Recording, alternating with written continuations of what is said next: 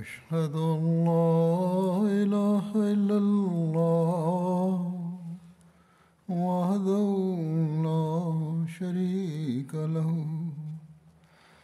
وأشهد أن محمدا عبده ورسوله.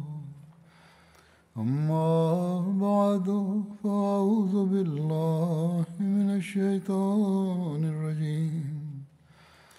بسم الله الرحمن الرحيم.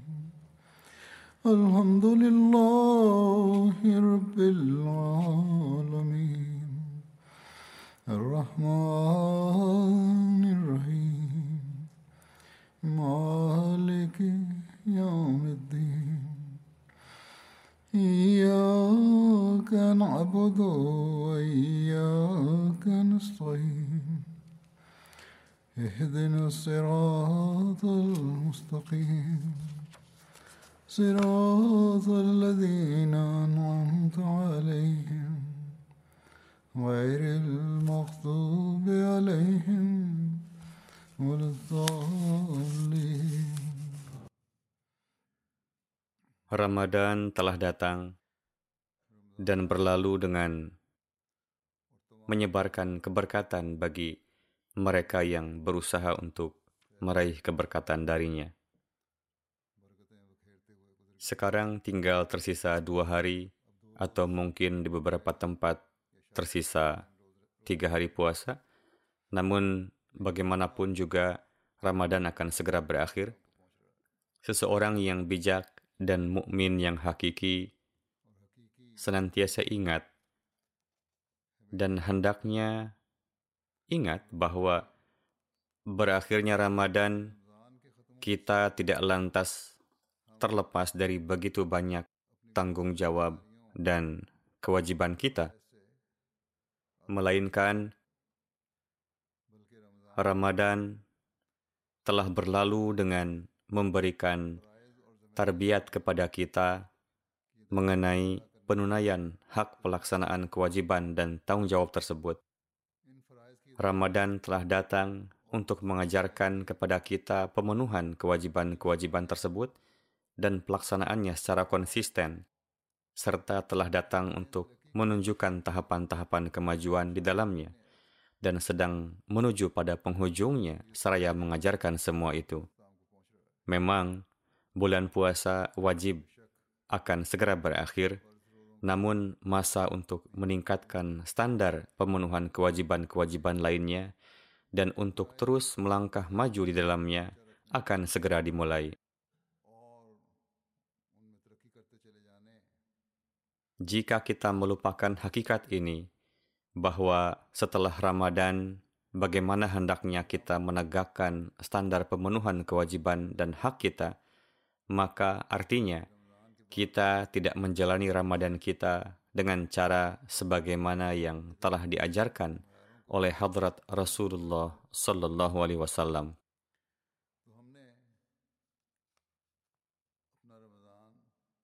Terdapat dalam sebuah hadis hadrat Rasulullah sallallahu alaihi wasallam bersabda, Salat lima waktu menjadi penebus dosa-dosa yang dilakukan di antara satu Jumat ke Jumat lain, dan di antara satu Ramadan ke Ramadan lain, dengan syarat menjauhi dosa-dosa besar. Jelaslah di sini bahwa jika manusia tidak mengidentifikasi dosa-dosa dan kesalahan-kesalahan kecilnya, dan tidak berusaha untuk terhindar darinya, serta tidak bertobat dan beristighfar ketika melakukannya, maka itu akan menjadi dosa yang besar. Jadi, maksudnya di sini adalah hendaknya manusia setiap saat dalam hatinya memiliki rasa takut pada Allah Ta'ala dan senantiasa beristighfar supaya terhindar dari hal-hal tersebut. Alhasil, jika kita tidak menjalani bulan-bulan yang tersisa dari satu Ramadan ke Ramadan lainnya dengan mengamalkan kebaikan-kebaikan dan menunaikan kewajiban kita serta memenuhi hak-hak kita yang terdiri dari hak-hak ibadah dan juga hak-hak umat manusia. maka artinya kita tidak mengambil faedah dari Ramadan dengan sepenuhnya.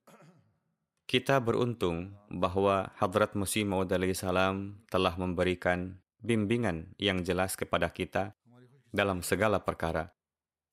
Beliau secara terus-menerus menasihati kita untuk menunaikan hak-hak ibadah kita dan juga hak-hak para hamba.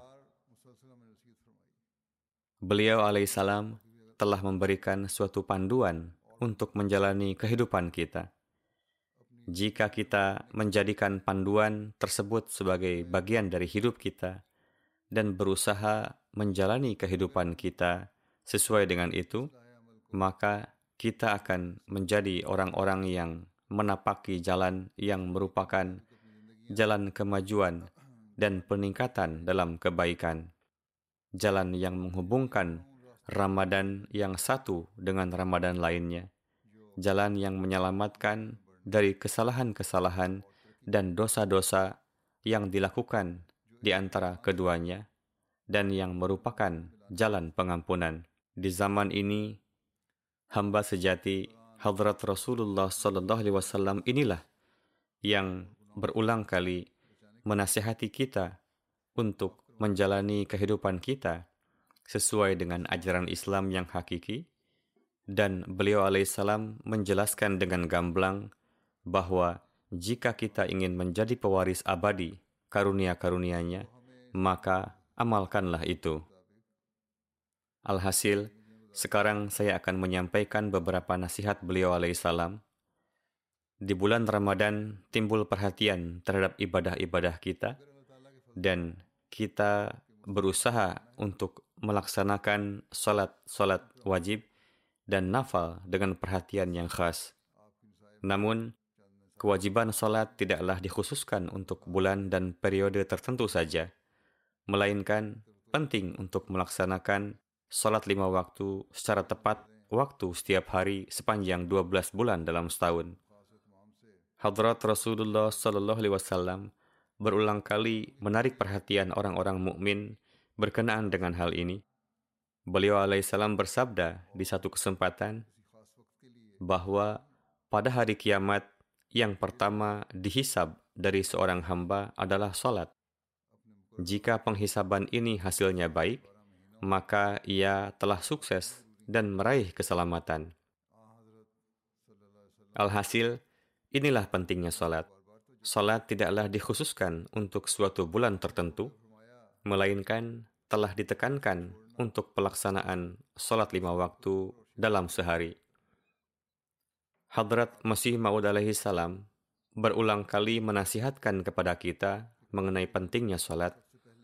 Beliau alaihi salam menasihatkan dan menjelaskan dengan gamblang mengenai apakah sholat itu, bagaimana cara melaksanakannya, bagaimana kita bisa mendapatkan kelezatan dari sholat, dan hendaknya kita berusaha untuk meraih kelezatan ini. Salat-salat seperti inilah yang akan meningkatkan kecintaan pada Allah Ta'ala. Janganlah ketika ada suatu keperluan atau permasalahan duniawi, lalu salat atau pergi ke masjid, menangis terisak-isak, dan memanjatkan doa-doa. Kemudian ketika masalah telah terpecahkan, lantas menjadi lupa lagi. Atau hanya memberikan perhatian pada sholat di bulan Ramadan, kemudian lupa atau tidak ada lagi perhatian sebagaimana yang seharusnya. Jika ini yang terjadi, maka tidaklah sholat akan menjadi sarana pengampunan bagi dosa-dosa, tidak juga Jumat dan puasa. Sebagaimana dijelaskan di dalam hadis yang telah saya sampaikan, seraya menjelaskan mengenai apakah sholat itu, Hadrat Masih Maud bersabda, ini adalah suatu doa yang istimewa, namun orang-orang menganggapnya sebagai pajak yang diperuntukkan bagi raja-raja. Mereka melaksanakannya secara terpaksa. Orang yang bodoh itu tidak memahami apa perlunya Allah Ta'ala terhadap semua itu. Apa perlunya zatnya yang maha kaya akan hal itu? Apa perlunya dia bahwa manusia sibuk dalam berdoa, tasbih, dan tahlil, Bahkan dalam hal ini terdapat faedah bagi manusia sendiri. Karena dengan cara ini, ia akan sampai pada tujuannya. Beliau alaihissalam bersabda, Saya sedih melihat bahwa di masa sekarang ini tidak ada kecintaan terhadap ibadah, takwa, dan kesalehan. Ini adalah perkara kecintaan. Jika kecintaan itu ada, maka kewajiban-kewajiban itu akan dilaksanakan secara benar. Penyebabnya adalah satu efek beracun yang umum dari ritual formalitas. Disebabkan hal ini, kecintaan kepada Allah Ta'ala menjadi dingin.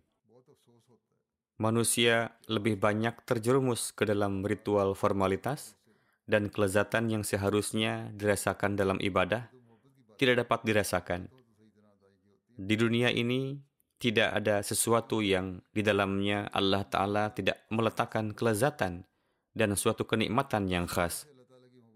Sebagaimana seorang yang sakit tidak bisa merasakan kelezatan suatu makanan terbaik yang lezat, dan ia menganggapnya pahit atau benar-benar hambar. Setelah minum obat atau disebabkan sakit, mulut menjadi hambar dan tidak bisa menikmati suatu apa pun. Orang yang sakit biasa menolak untuk makan atau mengeluhkan makanan mereka. Beliau alaihissalam bersabda, demikian juga orang yang tidak mendapatkan kelezatan dalam ibadah kepada Allah Ta'ala, mereka juga seperti orang-orang yang sakit. Mereka hendaknya khawatir dengan penyakitnya, karena sebagaimana telah saya katakan bahwa di dunia ini tidak ada sesuatu yang di dalamnya Allah Ta'ala tidak meletakkan kelezatan. Allah Ta'ala telah menciptakan umat manusia untuk beribadah, Lantas apa sebabnya dalam ibadah itu baginya tidak ada kelezatan dan kesenangan? Beliau alaihissalam bersabda, kelezatan itu ada, bukannya tidak ada, namun hendaknya ada juga orang yang merasakan kelezatan tersebut. Allah Ta'ala berfirman, وَمَا خَلَقْتُ الْجِنَّ وَالْإِنسَ إِلَّا لِيَعْبُدُونَ yakni sebagaimana insan telah diciptakan semata untuk beribadah kepadanya, maka adalah perlu agar sedapat mungkin meraih ketinggian derajat kelezatan, dan kenikmatan di dalam beribadah. Ia telah semestinya meraih kedudukan ini yang karenanya ia telah diciptakan. Dengan apa yang kita lihat dan pengalaman kita sehari-hari, kita dapat benar-benar memahami hal ini. Hadrat Masih Maud salam bersabda, sebagai contoh, lihatlah padi-padian dan segala jenis sumber makanan dan minuman, semuanya itu telah diciptakan untuk manusia. Semua aneka jenis makanan telah diciptakan untuk manusia. Apakah di dalam benda itu tidak didapat suatu kelezatan dan kenikmatan? Apakah ia tidak diberikan lidah untuk merasakan kelezatan dan kenikmatan itu?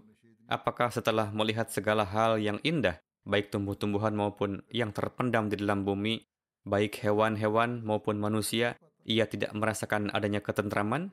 Apakah setelah mendengar lantunan suara yang indah dan merdu, telinganya tidak merasakan kebahagiaan? Maka dari itu, apakah masih tetap mencari dalil lain lagi untuk membuktikan bahwa tidak terdapat kelezatan dalam beribadah? Segala sesuatu mengandung kelezatan dan manusia merasakan kenikmatan darinya. Lalu, apakah hal ini tidak ada di dalam beribadah? Beliau alaihissalam bersabda, Fahamilah dengan sebaik-baiknya, ibadah bukanlah suatu beban atau pajak. Di dalamnya pun terkandung kelezatan dan kenikmatan, Bahkan kelezatan dan serta kenikmatan ini adalah yang paling unggul dan luhur dari segenap kelezatan dunia dan ketentraman jiwa.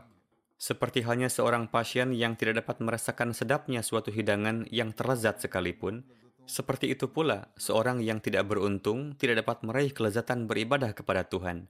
Keadaannya pun sama seperti halnya pasien itu. Maka dari itu hendaknya ia mengobati penyakitnya dan memikirkannya Alhasil, hal ini perlu untuk difahami, yaitu sedapat mungkin berupaya untuk meraih kelezatan itu. Terhadap sesuatu yang seseorang tidak mengetahui dan memahaminya, bagaimana bisa ia dapat meraih kelezatan darinya? Seseorang yang segenap inderanya tidak dapat berfungsi, bagaimana bisa ia dapat menikmati kenikmatan serta kelezatannya dan merasakan ketenangan darinya? Jika seseorang telah tenggelam ke dalam keduniawian dan ia sama sekali tidak memikirkan hal-hal ini, maka ia telah menjadi seorang yang sakit.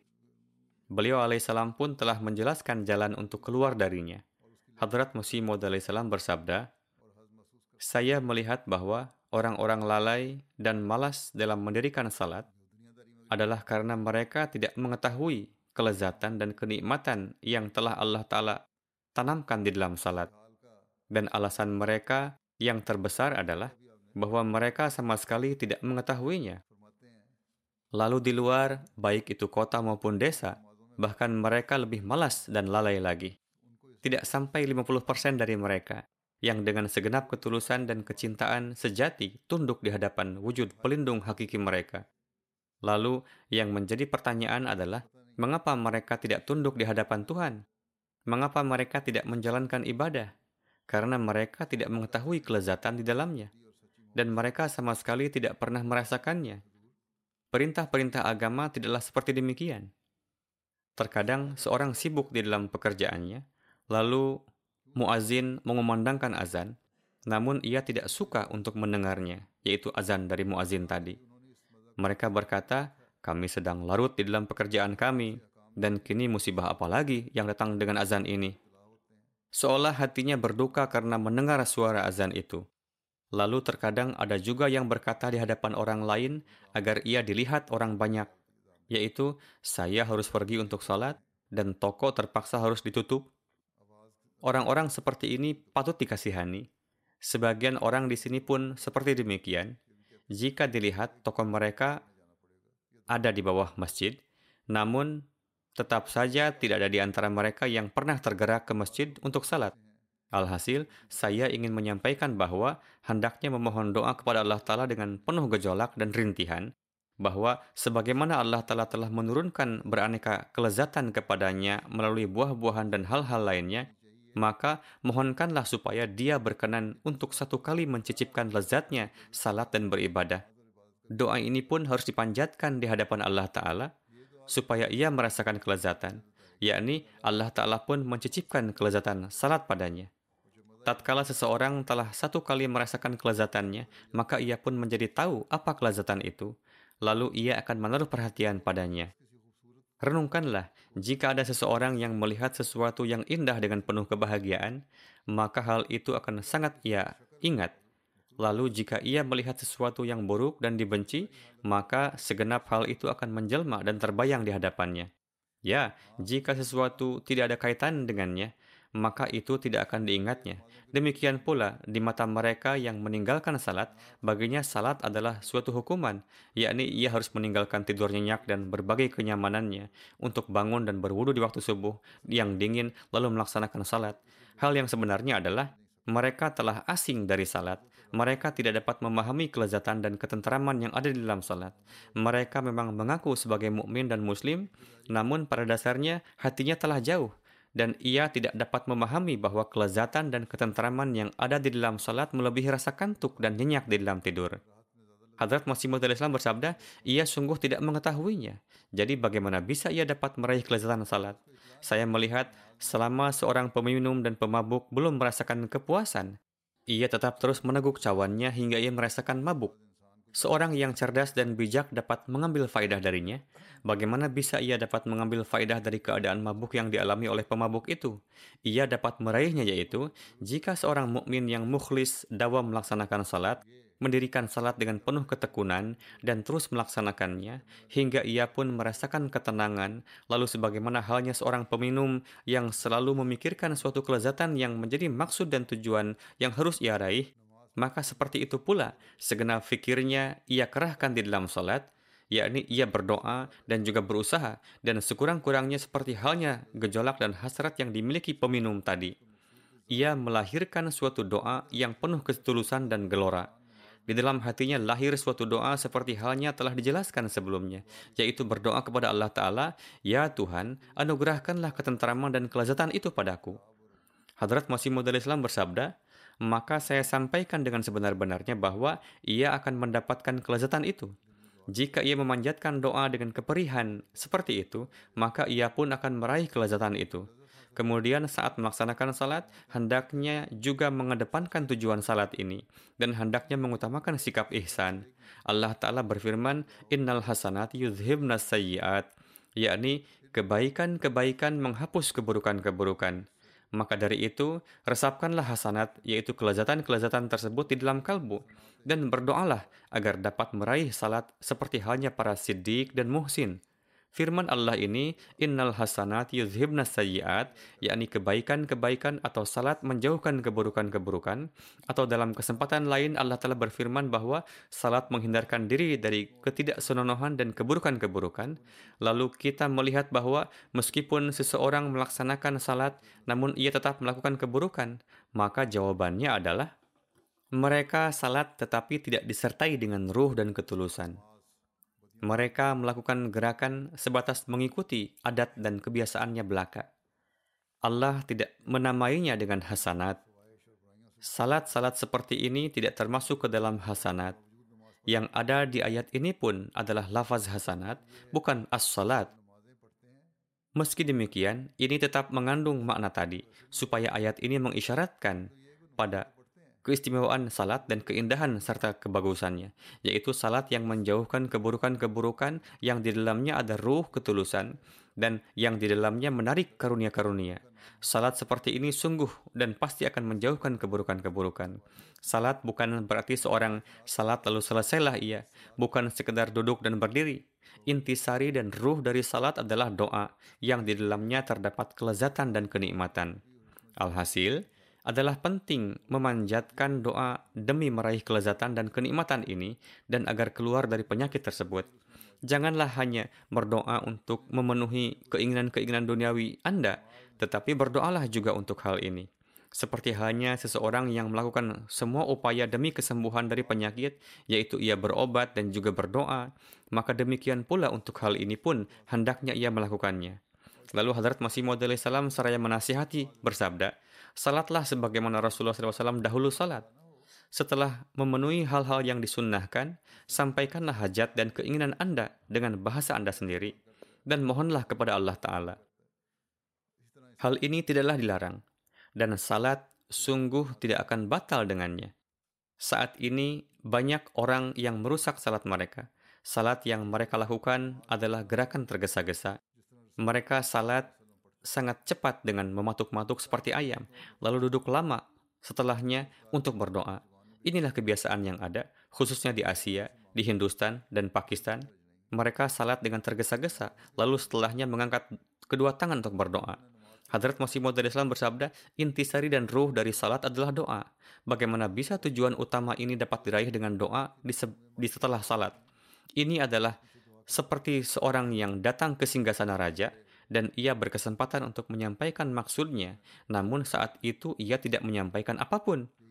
Lalu ketika ia keluar dari tempat itu, barulah ia menyampaikan permohonannya. Apakah cara ini akan bermanfaat baginya? Demikianlah juga keadaan orang-orang ini. Mereka tidak memanjatkan doa-doa dengan merintih dan khusyuk di dalam salat mereka. Maka dari itu panjatkanlah doa-doa Anda di dalam salat Anda dan perhatikanlah sepenuhnya ada berdoa tentang bagaimana Rasulullah SAW mengajarkan cara salat kepada kita, tertera dalam satu riwayat bahwa ada seorang yang datang dan ia melakukan salat, lalu ia menghadap dan mengucap salam kepada Rasulullah. Rasulullah bersabda, salatlah kembali. Beliau duduk di masjid dan melihatnya. Saat itu, tengah ada majelis bersama beliau. Demikianlah Rasulullah memerintahkan orang itu untuk mengulangi salatnya hingga tiga kali. Di akhir, orang itu berkata, Wahai Rasulullah, saya tidak dapat lagi salat lebih baik dari ini. Oleh karena itu, beritahukanlah kepada saya cara yang benar bagaimana melaksanakan salat. Rasulullah bersabda, tatkala Anda berdiri untuk salat, maka ucapkanlah takbir, lalu bacalah Al-Quran sesuai kemampuan. Bacalah Al-Quran setelah surah Al-Fatihah. Lalu rukuklah dengan penuh ketenangan yakni bukan sekedar sedikit menunduk lalu kembali berdiri. Rukuklah dengan penuh ketenangan, lalu berdirilah tegak, lalu bersujudlah dengan penuh ketenangan, lalu bangkitlah dari sujud dan duduklah dengan sempurna. Sebagian orang ada yang hanya untuk sujud, lalu mereka bangkit dari sujud sejenak dan segera sujud kembali. Rasulullah bersabda, duduklah secara sempurna, setelah itu lakukanlah sujud yang kedua. Jadi, salatlah dengan perlahan-lahan dan sebagus-bagusnya. Sebagian orang bertanya, seperti apakah cara memperindah salat itu? Cara memperindah salat adalah salat secara perlahan-lahan, memberi waktu setiap gerakan dengan sempurna, dan melaksanakan salat dengan tenang. Kemudian, setelah memahami hakikat salat dan memperhatikan pelaksanaannya, tugas seorang mukmin pun adalah membaca dan memahami Al-Quran Karim, serta menaruh perhatian khas padanya. Seperti halnya pada kebanyakan orang, perhatian mereka ke arah ini tumbuh di bulan Ramadan. Pelajari jugalah tafsirnya. Ini pun adalah satu cara menghubungkan Ramadan ini dengan bulan Ramadan selanjutnya.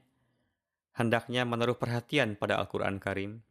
Tentang menilawatkan Al-Quran Karim ini, Hadrat Masih Maud Islam bersabda, Seandainya kita tidak memiliki Al-Quran, dan kitab kumpulan hadis inilah yang menjadi kebanggaan iman dan dasar keyakinan kita, maka kita tidak akan dapat lagi memperlihatkan muka kita di hadapan umat lain karena merasa malu saya merenungi lafaz Al-Quran, dan pada saya tersingkap satu kenyataan bahwa kata yang berberkat ini mengandung satu nubuatan yang luar biasa. Nubuatan itu adalah bahwa Al-Quran inilah kitab yang layak untuk dibaca, dan kelak di suatu masa akan sangat banyak bermunculan kitab-kitab yang layak untuk dibaca, sehingga Al-Quran akan menjadi salah satu kitab di antara kitab-kitab yang dibaca. Di masa itu, untuk menjaga kehormatan Islam dan menanggulangi kebatilan, hanya kitab inilah yang layak untuk dibaca, dan kitab-kitab yang lainnya sama sekali patut untuk ditinggalkan. Ini jugalah makna dari Furqan, yakni ini adalah satu kitab yang akan membedakan antara yang hak dan yang batil. Dan tidak ada suatu kitab hadis atau buku-buku lainnya yang sanggup mencapai kedudukan ini. Oleh karena itu, kini tinggalkanlah seluruh kitab-kitab yang ada dan bacalah kitabullah ini siang dan malam Sungguh tidak dapat dikatakan mukmin seseorang yang tidak mencintai Al-Quran Karim, dan siang malam ia condong pada kitab-kitab lainnya. Hendaknya para anggota jemaat sibuk dalam mendalami dan mentadaburi Al-Quran Karim dengan segenap jiwa dan raga, dan meninggalkan diri sibuk di dalam hadis-hadis. Sangat disayangkan bahwa mereka tidak menekuni dan mempelajari Al-Quran seperti halnya mereka banyak melakukannya pada hadis-hadis saat ini, jika senjata Al-Quran Karim ini Anda genggam, maka kemenangan ada pada Anda. Tidak ada kegelapan yang mampu bertahan di hadapan nur Al-Quran. Kemudian terkait menegakkan kebaikan-kebaikan, Hadrat Masih Maud memberi petunjuk, dalam keadaan apa pun, utamakanlah agama di atas dunia. Dalam menjelaskan ini, Huzur alaihissalam bersabda, Perhatikanlah, ada dua macam orang di dunia ini. Pertama adalah orang yang setelah menerima Islam, mereka lantas sibuk dalam segala jual beli dan perdagangan duniawi mereka. Setan tengah menggerakkan mereka di atas kepala mereka. Maksud saya bukanlah perdagangan itu dilarang. Bukan. Dahulu para sahabat pun banyak berdagang, tetapi mereka mendahulukan agama daripada dunia. Mereka telah menerima Islam dan mereka telah meraih ilmu yang hakiki tentang Islam yang kemudian memenuhi sanubari mereka dengan keimanan. Inilah alasannya mengapa mereka tidak gentar dengan gempuran setan di medan apa pun. Tidak ada hal apa pun yang dapat merintangi mereka untuk menzahirkan kebenaran. Maksud saya hanyalah bahwa orang-orang yang hanya merupakan hamba sahaya dan budak dunia, yaitu seakan mereka menyembah dunia, maka setan akan unggul dan menguasai mereka. Kedua adalah orang yang memikirkan kemajuan agamanya. Ini adalah golongan yang dinamakan Hizbullah, yakni kelompok Allah, dan mereka meraih kemenangan atas setan dan laskar-laskarnya, sebagaimana harta itu berkaitan dengan perdagangan, dan ia bertambah melalui perdagangan. Maka dari itu Allah Ta'ala pun menyatakan bahwa meraih agama dan hasrat untuk kemajuan agama sebagai suatu perdagangan. Terkait meraih agama pun Allah Ta'ala menyatakannya sebagai suatu perdagangan. Sebagaimana firmannya, Hal adullukum ala tijaratin tunjikum min azabin alim yakni maukah aku tunjukkan kepadamu suatu perdagangan yang dapat menyelamatkanmu dari azab yang pedih? Lalu berfirman, perdagangan yang terbaik adalah agama yang akan menyelamatkan dari azab yang pedih. Jadi saya pun dengan mengutip firman Allah Ta'ala menyampaikan ini juga kepada anda sekalian. Hal adullukum ala tijaratin tunjikum min azabin alim. Hadrat Masih Maud Islam bersabda, kemajuan-kemajuan agama ini menurunkan kecenderungan berpikir, dan saya khawatir jangan sampai setan kelak menguasainya. Jadi janganlah sekali-kali malas dalam hal ini. Dalam setiap hal yang tidak difahami, beliau alaihissalam bersabda, hendaknya bertanya tentangnya. supaya makrifat pengetahuan semakin meningkat. Bertanya tidaklah haram. Jika belum faham, maka bertanyalah. Hendaknya menyampaikan pertanyaan. Beliau alaihissalam bersabda, hendaknya juga bertanya demi kemajuan dalam amalan. Hal ini adalah penting untuk kemajuan dalam amalan. Alhasil, demi mendahulukan agama di atas dunia, di mana kekukuhan iman adalah suatu hal yang penting, maka kemajuan dalam hal keilmuan dan amalan pun adalah hal yang penting dan hendaknya berupaya juga untuk mewujudkannya.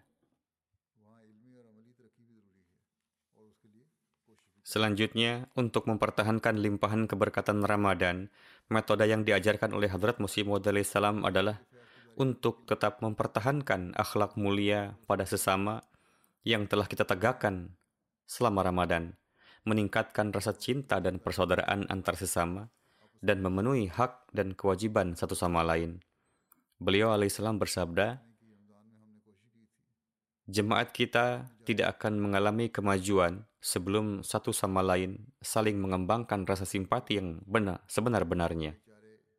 Seseorang yang diberi kemampuan besar, cintailah orang yang lemah.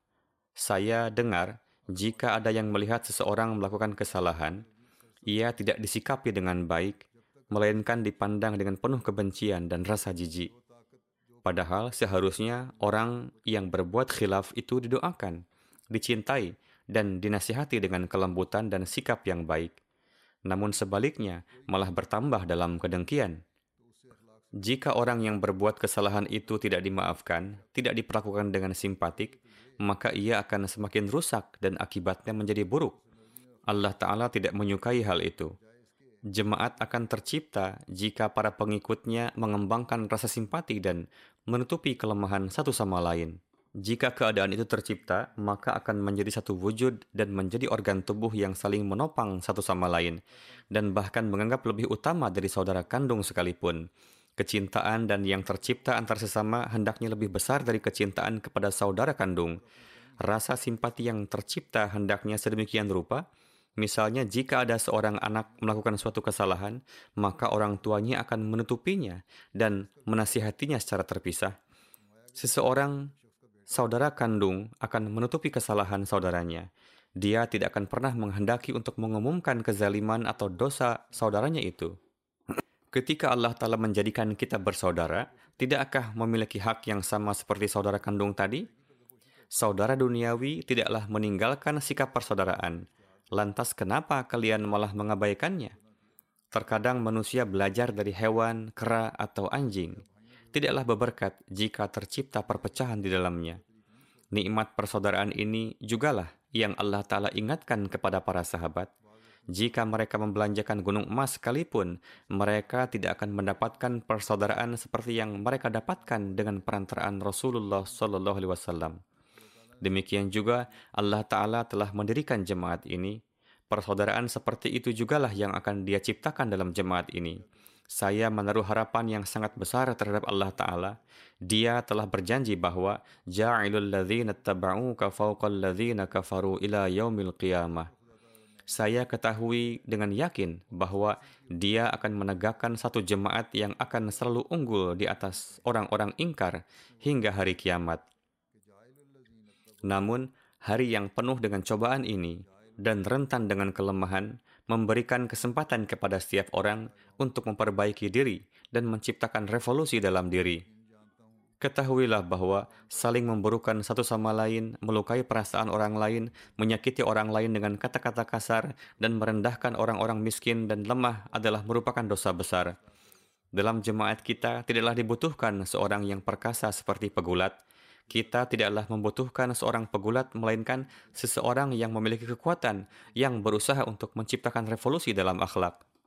Tidak diragukan lagi kebenarannya bahwa bukanlah seseorang yang perkasa dan gagah yang dapat memindahkan gunung dari tempatnya. Bukan, bukan itu. Seorang pemberani sejati adalah yang mampu untuk menciptakan revolusi akhlak. Untuk itu, camkanlah untuk mengerahkan segenap semangat dan kekuatan untuk merevolusi akhlak karena itulah yang merupakan kekuatan dan keberanian yang sejati. dalam menjelaskan berkenaan dengan mengembangkan rasa cinta antara satu sama lain, memenuhi hak dan kewajiban satu sama lain, dan mengarungi kehidupan dengan kerendahan hati dan tawadu, beliau alaihissalam bersabda, untuk menjadi seorang yang bertakwa disyaratkan untuk mengarungi kehidupan dengan kerendah hatian. Ini merupakan satu cabang takwa yang dengannya kita dapat melawan amarah yang tidak pada tempatnya. Tahapan yang terakhir dan paling sulit bagi para wali Allah adalah terhindar dari amarah. Kesombongan timbul dari amarah dan begitu pula terkadang amarah timbul sebagai akibat dari membanggakan diri.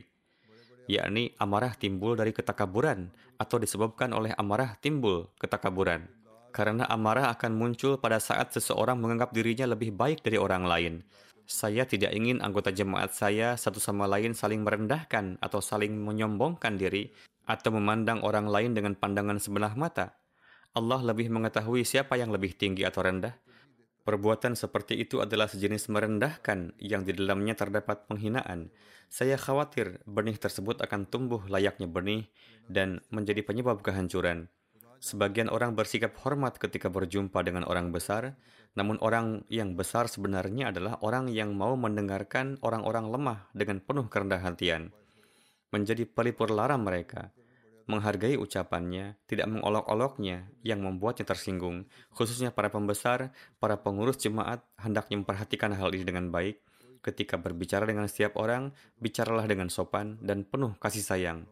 Allah Ta'ala berfirman, wala tanabazu bil alqab bi'sal ismul بعد ba'dal iman wa man lam yatub faulaika Janganlah memanggil orang lain dengan panggilan yang mengandung ejekan karena itu adalah perbuatan orang fasik dan pendosa. Barang siapa yang mengejek orang lain ia tidak akan mati sebelum ia sendiri mengalami hal serupa. Janganlah menganggap orang lain rendah Ketika kalian semua minum dari satu sumber mata air yang sama, maka siapa yang tahu siapa yang mendapatkan keberuntungan dapat minum lebih banyak? yang membuat seseorang lebih mulia dan luhur tidak dapat dilandasi oleh hal-hal keduniawian. Dalam pandangan Allah Ta'ala, yang lebih mulia adalah yang bertakwa. Inna akramakum indallahi atqakum, innallaha alimun khabir.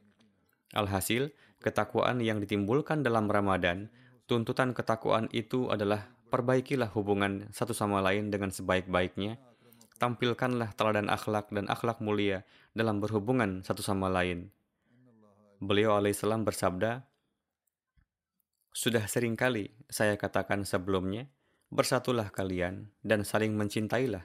Inilah yang diajarkan Allah terhadap orang-orang muslim agar mereka bersatu dan jika tidak, maka kekuatan mereka akan hilang.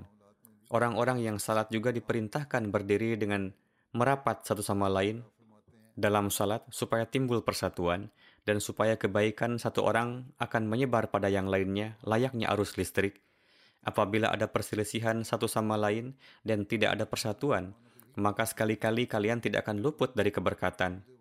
Mengingat kondisi akhir-akhir ini, kita terpaksa memberikan jarak di antara jamaah salat. Untuk itu, jangan sampai anak-anak atau sebagian orang lainnya tidak faham dengan menganggap hal itu sebagai pengaturan untuk seterusnya. Adapun keadaan semakin berangsur baik, jarak antara jamaah salat semakin dikurangi, dan insya Allah akan tiba saatnya ketika kondisi menjadi normal kembali. Sebenarnya, setiap jamaah merapatkan safnya ketika berdiri dan itu hendaknya selalu diingat. Adapun dalam kondisi darurat, telah dilakukan pengaturan sementara, supaya setidaknya salat berjamaah dapat terus dilakukan. Untuk itu, diberikan jarak. Kita berharap ketika kondisi membaik nanti, kita akan kembali pada keadaan normal lagi, Hadrat Rasulullah Sallallahu Alaihi Wasallam bersabda, saling mencintailah satu sama lain dan saling mendoakanlah tanpa sepengetahuan mereka.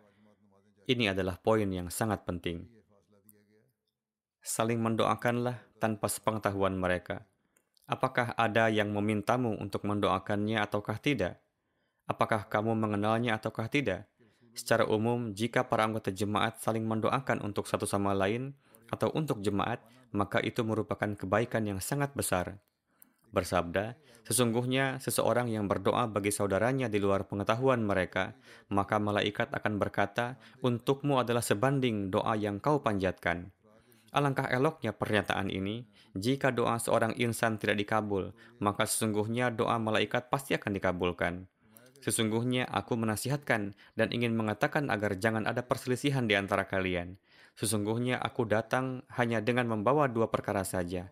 Pertama, kalian tegakkanlah tauhid ilahi dan yang kedua zahirkanlah kecintaan dan rasa simpati di antara kalian dan kalian akan melihat contoh tersebut yang merupakan karomah bagi orang lain dan ini merupakan dalil yang terlahir dalam diri para sahabat radhiyallahu anhum kuntum a'daan fa'allafa baina qulubikum dulunya kalian bermusuhan maka Allah menimbulkan cinta kasih di antara hati kalian ketahuilah bahwa mempersatukan hati itu adalah suatu mukjizat Ingatlah oleh kalian, selama setiap orang dari antara kalian tidak seperti orang yang menyukai untuk saudaranya, apa pun yang ia sukai bagi dirinya, maka ia bukan dari jemaat kami. Bahkan ia berada dalam musibah dan cobaan dan akan memberikan hasil akhir yang tidak baik. Apa maksud dari mencintai Allah Ta'ala? yakni agar seseorang mengutamakan keridaan Allah Ta'ala di atas kedua orang tuanya, istrinya, anak-anaknya, dirinya, dan segala sesuatu yang dicintainya. Terdapat di dalam Al-Quran, Fadhkurullaha dzikrikum aba'akum au ashadda dzikra. Maka ingatlah Allah seperti kalian mengingat bapak-bapak kalian atau lebih keras lagi. Untuk menegakkan tauhid hakiki adalah perlu untuk meraih bagian sempurna dari kecintaan Allah Ta'ala dan cinta ini tidak akan pernah terbukti sebelum ada keutuhan dalam amalannya. Perlu juga untuk menzahirkan kecintaan dalam bentuk amalan. Hanya dengan lisan saja belum dapat dibuktikan. Seperti contoh, Apabila seseorang banyak-banyak mengulang-ulang kata gula, maka sekali-kali ia tidak akan meraih rasa manis. Maksudnya ia tidak mencicipi rasa manis itu. Jika hanya menyebut nama gula atau jika ada yang memuji kehebatan seorang teman, namun kenyataannya teman tersebut menahan diri dari memberikan pertolongan pada saat terjadi musibah, dan maka orang seperti itu tidaklah terhitung sebagai teman sejati. Demikian pula, apabila dengan lisannya saja seseorang mengikrarkan tauhid ilahi dan menyatakan cinta pada Allah Ta'ala hanya di lisan saja, maka itu sama sekali tidak ada faedahnya. Bagian ini menuntut banyak pengamalan daripada pernyataan dengan lisan. Namun hal itu tidak berarti bahwa mengucapkan dengan lisan itu tidak penting. Sekali-kali tidak demikian. Yang dimaksudkan adalah membuktikan amalan pun adalah penting untuk mengiringi ikrar dengan lisan. Oleh karena itu adalah penting untuk mewakafkan hidup kalian pada jalan Allah Ta'ala. Inilah Islam dan inilah tujuan yang karenanya aku diutus. Orang yang saat ini tidak mendekat pada mata air yang telah Allah Ta'ala pancarkan untuk tujuan ini, tentu ia akan tetap luput. Apabila kalian ingin mengupayakan sesuatu perkara dan berusaha meraih maksud kalian, maka hendaklah seorang pencari sejati itu melangkah maju dan meletakkan mulutnya pada tepi mata air yang mengalir ini. Hal ini tidak akan terpenuhi selama seseorang tidak melepas pakaian wujud-wujud lainnya atau ghairiyat di hadapan Allah Ta'ala. Selama ia tidak tunduk pada gerbang rububiyah dan selama ia tidak berjanji bahwa ia tidak akan meninggalkan Allah Ta'ala sekalipun kehormatan duniawinya hilang dan sekalipun menghadapi gunung musibah, bahkan ia bersedia mempersembahkan segala pengorbanan di jalan Allah Ta'ala sebagaimana keikhlasan agung yang dimiliki oleh Hadrat Ibrahim alaihissalam yang telah bersedia untuk mengorbankan putranya. Islam menghendaki untuk memperbanyak Ibrahim. Ibrahim, inilah keistimewaan Hadrat Ibrahim yang dijelaskan oleh Allah Ta'ala bahwa beliau adalah wujud yang setia. Oleh karena itu, hendaklah setiap kalian berusaha untuk menjadi Ibrahim.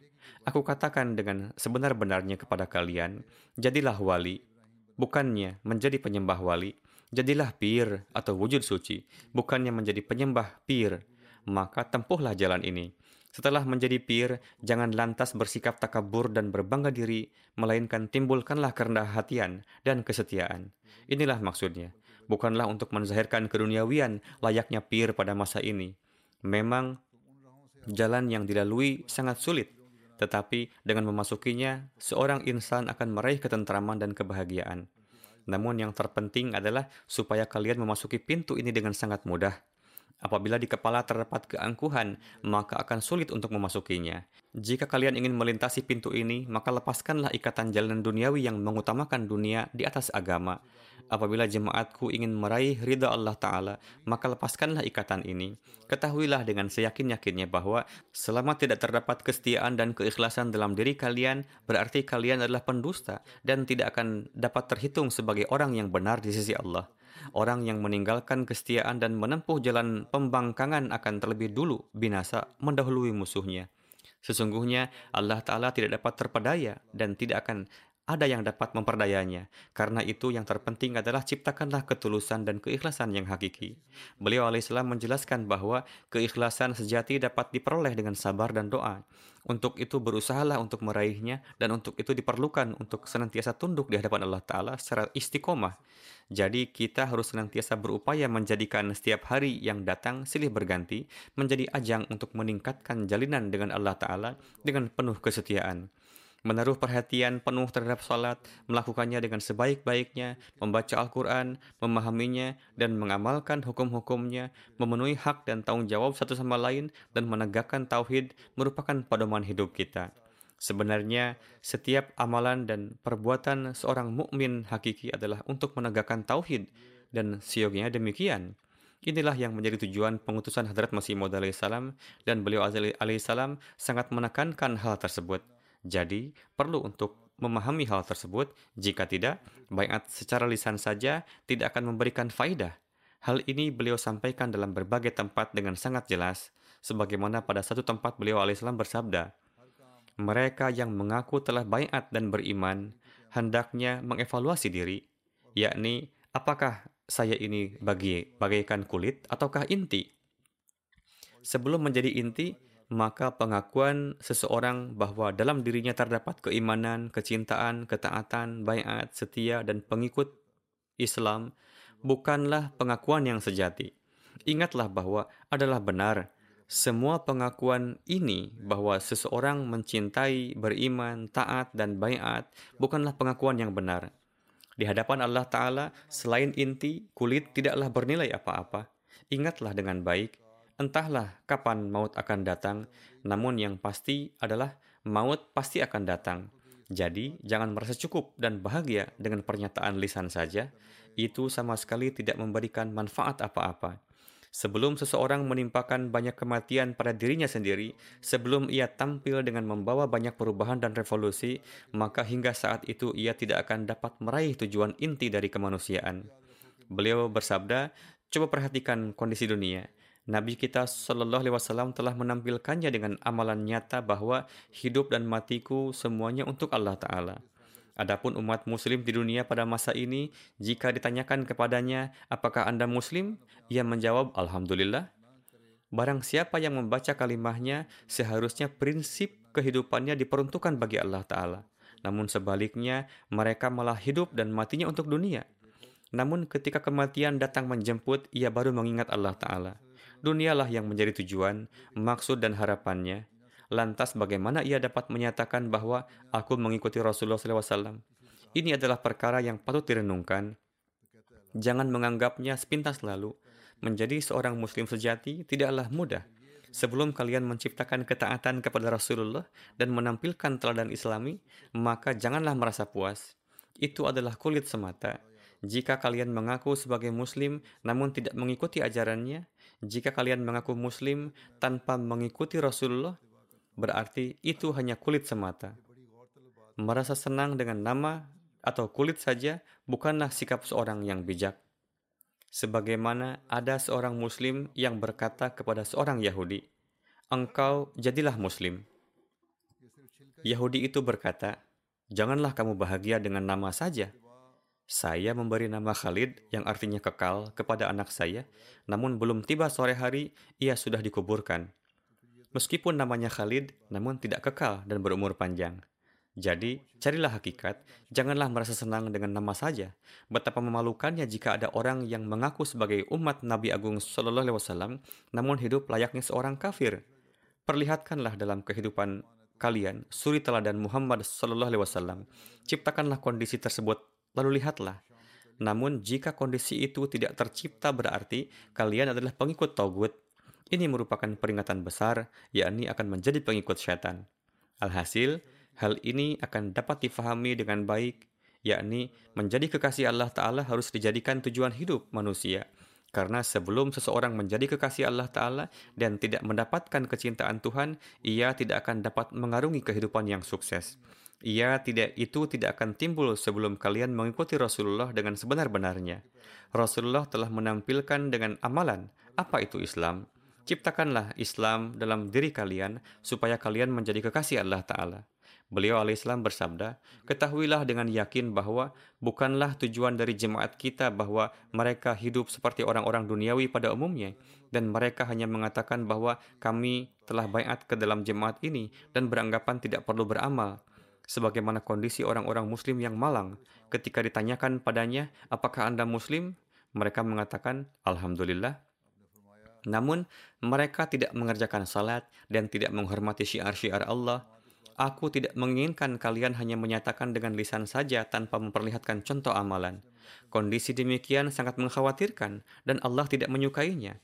Sebenarnya keadaan dunia inilah yang menuntut sehingga Allah Ta'ala membangkitkanku untuk mengadakan perbaikan. Maka apabila seseorang meskipun menjalin hubungan denganku, namun tidak memperbaiki keadaannya dan tidak meningkatkan potensi amaliyahnya, bahkan menganggap pernyataannya secara lisan saja itu cukup, maka seakan-akan dengan amalannya itu ia menegaskan bahwa mereka tidak membutuhkanku. Berbicara dengan perantaraan amalannya bahwa kedatangan masih mau tidaklah diperlukan untuk itu, jika kalian ingin membuktikan dengan amalan kalian bahwa kedatanganku tidak berfaedah, maka apa artinya menciptakan hubungan dengan aku? Jika kalian ingin menjalin hubungan denganku, maka wujudkanlah tujuan-tujuan dan maksud-maksud pengutusanku. Dan itu adalah dengan menampilkan keikhlasan dan kesetiaan kalian di hadirat Allah Ta'ala dan mengamalkan ajaran Al-Quran sedemikian rupa sebagaimana yang diperlihatkan oleh Rasulullah SAW dan para sahabat. Pelajarilah dengan seksama maksud dari ajaran Al-Quran dan amalkanlah. Pernyataan dengan lisan semata tidaklah cukup di sisi Allah Ta'ala. Jika suatu nur dan semangat tidak menyertai amal-amal, Ketahuilah dengan pasti bahwa jemaat yang pendiriannya dikehendaki oleh Allah Ta'ala tidak mungkin akan hidup tanpa amal. Inilah jemaat agung yang persiapannya telah mulai semenjak zaman Hadrat Adam alaihissalam. Tidak ada seorang nabi pun yang datang ke dunia ini yang tidak mengabarkan seruan itu. Maka hargailah itu. Maksud dari menghargai di sini adalah dengan membuktikan dengan amalan kalian bahwa kalianlah yang merupakan jemaat orang-orang yang benar. Jadi buktikanlah hal ini Alhasil, jika kita telah berbaikat kepada Hadrat Musi Maud salam dengan penuh keyakinan bahwa beliau alaihissalam adalah Al-Masih dan Al-Mahdi yang nubuatan mengenai kedatangannya telah disampaikan oleh Hadrat Rasulullah SAW, maka kita hendaknya menciptakan suatu perubahan suci dan suatu revolusi dalam diri kita. Hendaknya kita menjadi contoh bagi dunia. Hendaknya kita menegakkan standar pemenuhan hak-hak Allah dan hak-hak hamba Tarbiyat yang telah kita dapatkan di bulan Ramadan, lanjutkanlah itu di bulan-bulan yang tersisa. Pedoman amalan yang telah saya sampaikan dalam sabda-sabda Hadrat Masih Maud salam, berusahalah sekuat tenaga untuk mengamalkannya. Laksanakanlah sholat dengan benar, amalkanlah Al-Quran dan penuhilah hak-hak satu sama lain. Berikanlah segala pengorbanan demi penegakan tauhid. Barulah kita menjadi orang-orang yang memenuhi hak bayat. Semoga Allah Ta'ala memberikan taufik kepada kita untuk itu.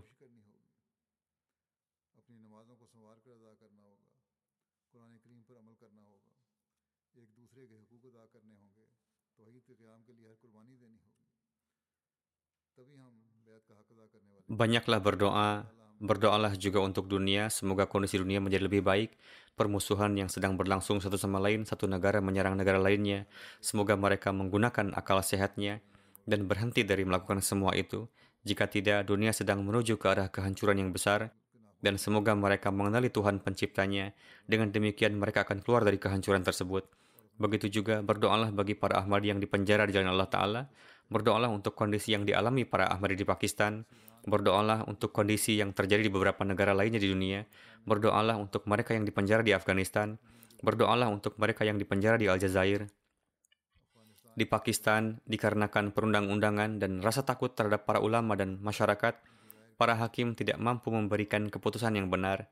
Semoga Allah Ta'ala memperbaiki kondisi di sana dan para Ahmadi bisa hidup dengan bebas di Pakistan.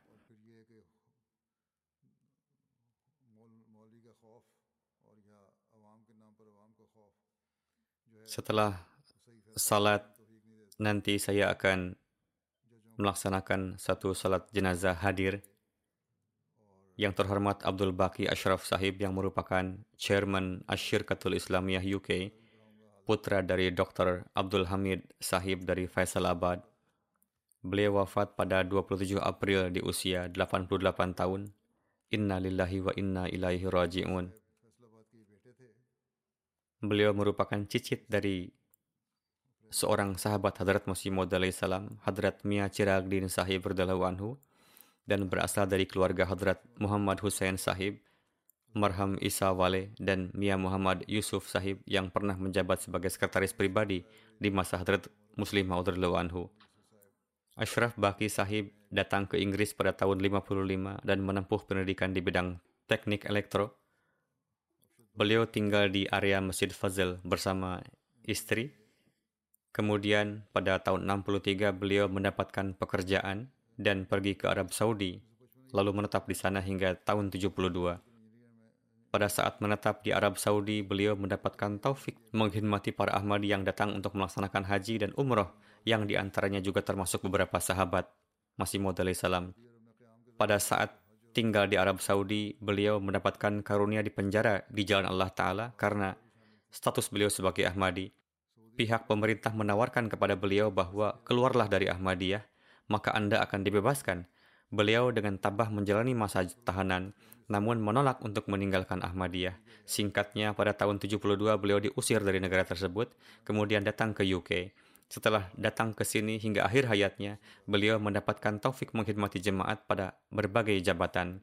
Ketika Hadrat Khalifatul Masih Ar-Rabi rahimahullah hijrah, almarhum juga pergi ke Belanda untuk menjemput beliau. Kemudian Huzur tiba di UK bersama almarhum dari Belanda. Ashraf Baki Sahib mendapatkan taufik bekerja sebagai sekretaris Jaidad di UK. Beliau juga cukup berperan dalam pembelian lahan Islamabad. Beliau juga mendapatkan taufik berkhidmat sebagai naib Amir UK. Beliau mendapatkan taufik berkhidmat sebagai officer jasa salanah, chairman Africa Trade, chairman Asyirkatul Islamiyah dalam masa yang panjang. Beliau meninggalkan dua putra dan dua putri. Seorang putra beliau, Nabil Ashraf Sahib, mengkhidmati jemaat dengan baik di sini. Mubashir Zafar Sahib, mantan karyawan kantor menuturkan berkenaan dengan almarhum bahwa meskipun beliau mendapatkan taufik berkhidmat secara sukarela dan tidak mengambil tunjangan apa pun dari jemaat, namun beliau bekerja dengan penuh tanggung jawab. Beliau sangat berdisiplin waktu. Meskipun kondisi beliau lemah, beliau setiap hari datang duduk di kantor selama 8 jam hingga 10 jam. Beliau tidak memperdulikan penyakit beliau. Yang lainnya menuturkan bahwa beliau biasa mengerjakan pekerjaannya dengan tangan sendiri. Beliau berusaha untuk membuat cahaya sendiri. Jika ada yang membuatkan untuk beliau, maka beliau tidak menyuruh seseorang untuk mencuci cangkir cahayanya, melainkan mencucinya sendiri. Terkadang pada waktu makan siang, orang-orang meninggalkan peralatan makan di meja di Deer Park, maka alih-alih menyuruh orang lain, beliau sendiri membawanya dan membersihkan meja. Terkadang jika diperlukan, ketika petugas yang membersihkan toilet tidak datang, maka beliau membersihkan toilet. Beliau adalah seorang pejabat yang bekerja dengan kerendahan hati dan bekerja dengan giat. Daya ingat beliau juga sangat baik dan hingga akhir hayatnya beliau menjaga uang jemaat dan menjalankan tanggung jawab apa pun yang diberikan kepada beliau dengan sangat baik. Beliau sangat disiplin dalam salat, melaksanakannya secara berjamaah, sangat menghormati khilafat. Jika datang petunjuk dari khilafat, sekalipun pendapat beliau pribadi berlawanan dengan itu, namun beliau segera menerima sepenuhnya petunjuk tersebut dengan senang hati dan melupakan pendapat pribadinya. Wadud Malik Sahib menuturkan bahwa saya jauh lebih muda dari beliau, namun meskipun demikian, beliau selalu memberikan arahan dengan penuh kasih sayang dan memberikan dan bersikap sangat rendah hati dan tidak memperlakukan saya seperti selayaknya seseorang yang masih muda, melainkan seperti setara. Muniruddin Syam Sahib juga menulis mengenai beliau bahwa Tugas mencari informasi mengenai keperluan rumah di Islamabad pada awalnya dipercayakan kepada beliau oleh Hadrat Khalifatul Masih yang keempat rahimahullah dan beliau melaksanakannya dengan sangat baik. Demikian juga beliau menjalankan tugas-tugasnya di Asyirkatul Islamiyah dengan sangat baik hingga akhir hayatnya. Beliau juga berhubungan dengan MTA dan memiliki peranan penting dalam pekerjaan di MTA, yaitu masalah keuangan dan kontrak dan lain-lain. Semoga Allah Ta'ala menganugerahkan magfirah dan rahmatnya, meninggikan derajat beliau, memberikan taufik kepada putra-putri beliau untuk mengkhidmati agama dan senantiasa menjalin hubungan keikhlasan dan kesetiaan dengan jemaat dan khilafat. Sebagaimana telah saya sampaikan, ini adalah salat jenazah hadir. Setelah salat, saya akan keluar masjid untuk memimpin salat jenazah di sana.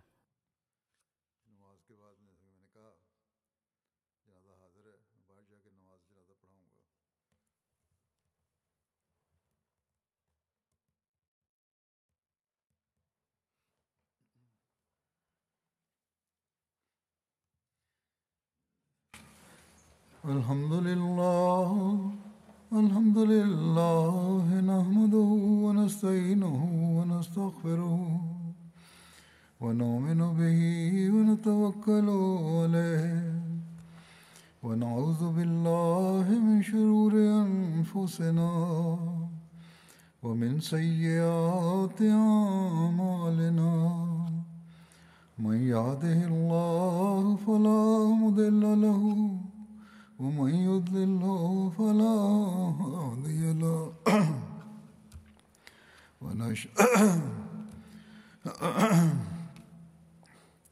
ونشهد أن لا إله إلا الله. ونشهد أن محمدا عبده ورسوله. عباد الله رحمكم الله. إن الله يأمر بالعدل والإحسان وإيتاء ذي القربى وينهى عن الفحشاء والمنكر والبغي يعظكم لعلكم تذكرون اذكروا الله يذكركم وادعوه يستجب لكم ولذكر الله أكبر.